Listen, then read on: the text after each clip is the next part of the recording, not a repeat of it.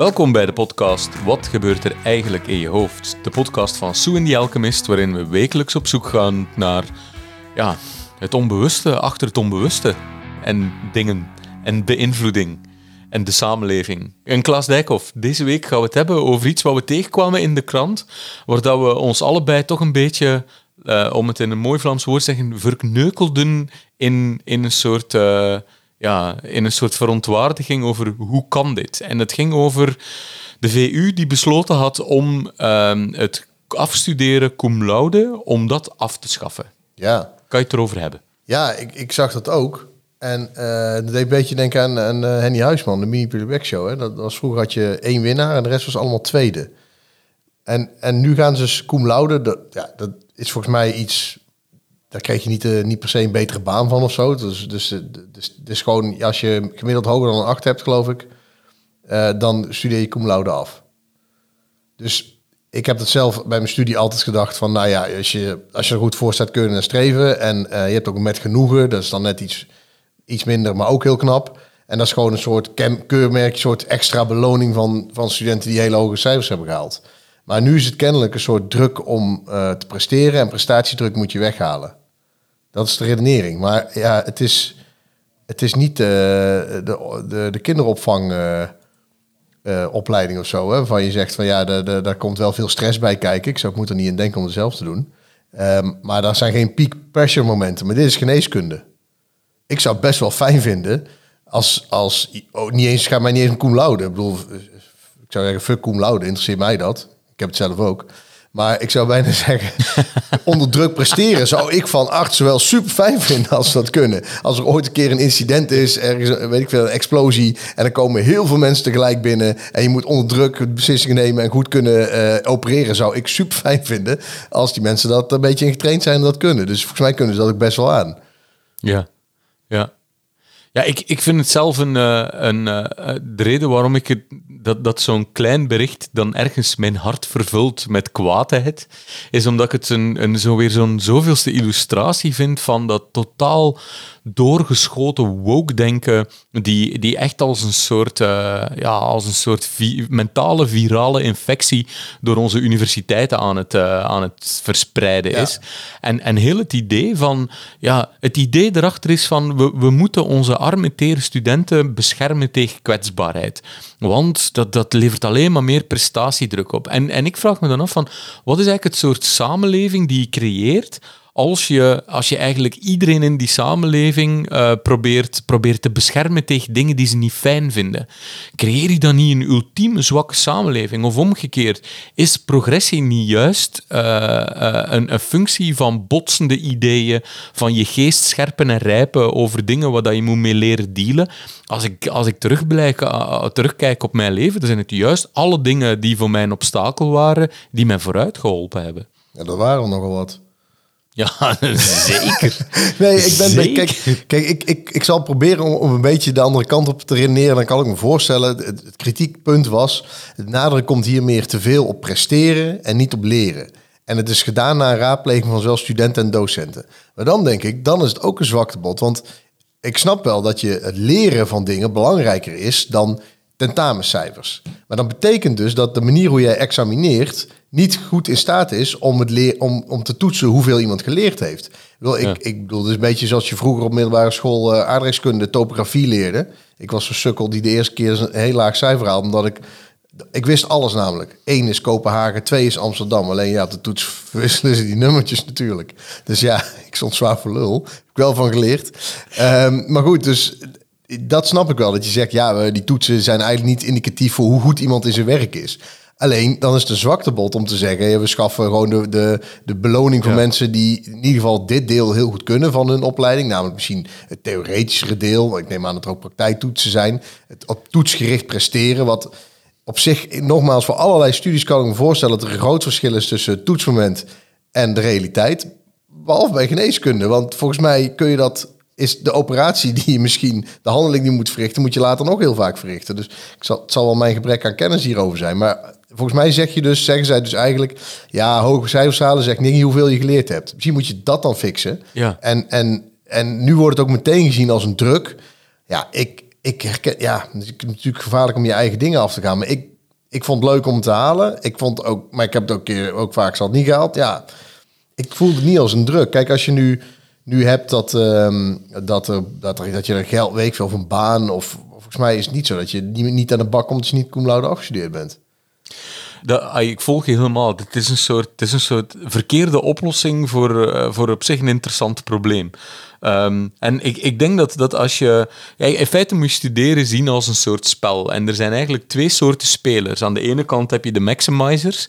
Die proberen eigenlijk het spel te spelen om via bijvoorbeeld... In België staan onderscheiding of grote onderscheiding of cum laude Kijk, dat, dat zijn mensen die erin zitten omdat ze eigenlijk zo die op het podium willen komen en, um, en, uh, en, en, en, die, en dat, dat, dat vignet gebruiken om te zeggen, kijk eens, kijk eens ik ben iemand die, uh, die, die cum laude is afgestudeerd. Waarmee dat eigenlijk een shortcut kan geven aan de wereld van, ik ben best wel een slimme en een strever. Maar de overgrote meerderheid van de spelers in dat spel, die willen eigenlijk gewoon spel uitspelen. Die willen gewoon zorgen dat ze erdoor geraken. Die vindt het ook prima, want ze hebben daarnaast ongetwijfeld nog een leven uh, die, ze, die, ze proberen, die ze proberen te combineren met het studeren. En dat zal een eigenlijk worst wezen. Het voornaamste voor hun is, krijg ik uiteindelijk het diploma en kan ik dat vak gaan uitvoeren? En ja, het, door, door nu een soort interventie te, te bedenken uh, die, ja, die, totaal, die totaal geen in, van, van inzicht getuigt in, in het spel. Ik ben niet helemaal eens met jouw frame. Je kunt ook gewoon cum laude halen terwijl je amper college hebt gevolgd. Maar goed, dat lijkt nog een keer. Zeker. nee. zeker, zeker. Nee, maar ik bedoel, natuurlijk zullen best mensen zijn die, die dat als een asset zien en die er echt voor gaan. Maar het is ook gewoon heel vaak, je doet gewoon je best. Dan, dan haal je het net op, dan heb je een bepaalde cijfers meegehaald met je best doen. Uh, of met niet je best doen, super hard je best doen. En dan nou, heb je die drempel wel of niet en dan krijg je die, dat onderscheid. Want ik zou veel meer willen bepleiten dat als je vindt dat er te eenzijdige focus is op cijferlijsten en dingen als cum laude, zorg dan voor meer criteria. Want dit is een, dit is een soort van poging om, wat jij eerder al zei, de gekwetstheid uit, eruit te halen. Hoe tere kinderzieltjes. Nou, daar, daar creëer je geen realistische samenleving mee. Iedereen gaat gekwetst worden. Ja. En ik heb liever dat mijn kinderen leren hoe om te gaan met gekwetstheid. Ja. Als iemand ze iets aangedaan heeft, dan pak ik ze alsnog wel. Dat doe ik me best wel voor. Daar hebben we ook justitie voor en alles. Dat hebben we in place. Maar ik heb liever dat ze leren om te gaan met de onvermijdelijke keren dat ze onterecht en, en, en tegen alles in door een of andere iemand die iets doet dat hij nooit had mogen doen gekwetst wordt.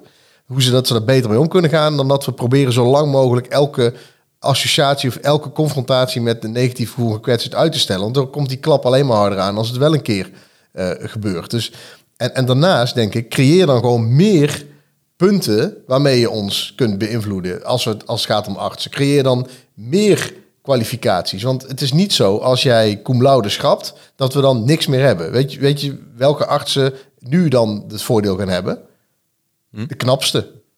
Knappe mensen worden altijd voorgetrokken. Dus, dus dadelijk krijg je McDreamy met een 6 gemiddeld. En dan heb je een of andere enorme uh, dikke nerd... die gewoon echt weet, ik moet het niet van mijn uiterlijk hebben. Ik ben sociaal en hoor ik. Het enige wat ik kan laten zien... is dat ik supergoed ben in, in mijn studie... en keihoge cijfers haal. Dus oké, ik ben niet McDreamy, maar ik heb wel cum laude. Nou, die heeft eigenlijk geen cum laude. Dus die topchirurg, die heeft alles tegen, stageplekken. Al die knappe mensen komen weer voor. En, ja, zoek het maar op als je me niet gelooft. En dan, dan hebben niks om tegenwicht te bieden. Dus creëer dan gewoon meer dingen.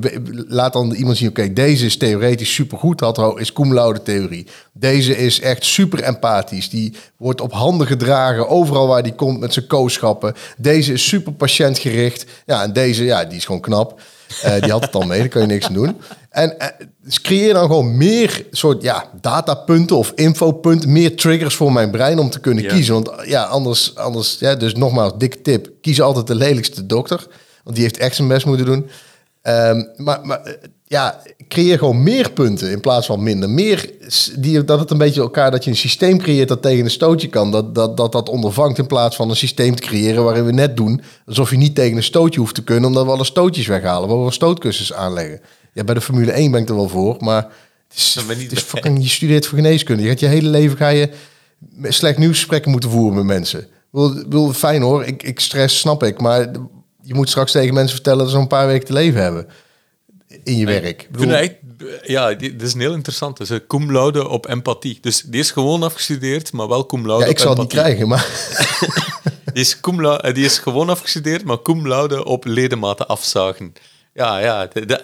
kijk, dat lijkt me nu eens eh, is een, eh, een, een interessant meer, frame. meer datapoints. ja, want Meer het- lof. het- niet minder lof. Het is toch raar dat je lof, Ja. dat je loftuitingen, Afneemt. dat je complimenten gaat schrappen uit je systeem. Ja. Dat we uiteindelijk gewoon niks meer... Nee, oh, het zit je haar leuk. Nee, dat mag je niet zeggen. Nee, er zijn ook mensen die van nature slecht haar hebben. En dat is kwetsend voor mensen die dat niet kunnen hebben. Kijk, Ja. je oom is kaal. Je oom is kaal, dat kun je niet maken. Nee. Daar kun je gewoon geen complimenten mee geven... omdat er ook iemand het compliment niet krijgt en daardoor gekwetst raakt. Ja. Ik probeer het juist thuis anders te doen. Als ik mijn jongste dochter een compliment geef... dan zit de oudste nu in de fase die dan zegt... waarom zie ik er dan niet mooi uit? Ja, zie je ook, maar ik had gewoon even niet tegen jou. Ja, ik, ben niet, ik ben niet zo'n vader die gaat zeggen... nou, omdat je vandaag je haar niet kant hebt... dat is natuurlijk... Dat, dat, hè, je, moet niet kwet, je moet niet op kwetsen uit zijn. Je denkt het Maar wel, je- maar je doet het niet. Nee, mijn kinderen zijn zo mooi, die, pff, die hebben geen cum laude nodig. Maar, eh, nee, maar ik bedoel, ik ben, ik ben daar wel voor. Meer lof, Ja, niet fantastisch. minder. Ik, ik denk dat we hem hiermee kunnen afronden. En toen me eigenlijk ook denken dat het misschien een perfecte aanleiding is om nog eens reclame te maken. Oh, reclame. Ja, reclame. Doe jij dat, Tom? Jij bent er zo goed in. Ja. Jij bent echt cum laude met het inspreken van reclame voor onze eigen... Voor onze eigen masterclass framing. Ja, dit, dit is eigenlijk wel... Ik vond dit een mooie illustratie van dat framing eigenlijk veel meer is dan, dan nadenken over woordjes. Of dan het spinnen van de realiteit. Dit gaat ook over hoe kunnen we het, het probleem vanuit een ander perspectief bekijken, waardoor je ineens ja, heel andere oplossingen gaat bedenken. Dat is de kracht van, van gedragspsychologie en dat is de kracht van, van framing. En toevallig geven Klaas en ik daar een masterclass over van twee dagen, 29 en 30 juni, met overnachting. Dus eh, ja, schrijf je ervoor in. Het wordt echt geweldig. En je kunt het cum afronden op heel veel verschillende criteria. Wij zijn voor complimenten. Ja, zeker. En eh, als je wil inschrijven voor de, voor de dinges, hoe heet het? De masterclass? sata.rocks slash framing. sata.rocks slash framing. Onthoud die naam. Dan gaan wij, eh, sluit ik hem even af en geven we elkaar nog even wat complimenten. Ja, nou, top idee.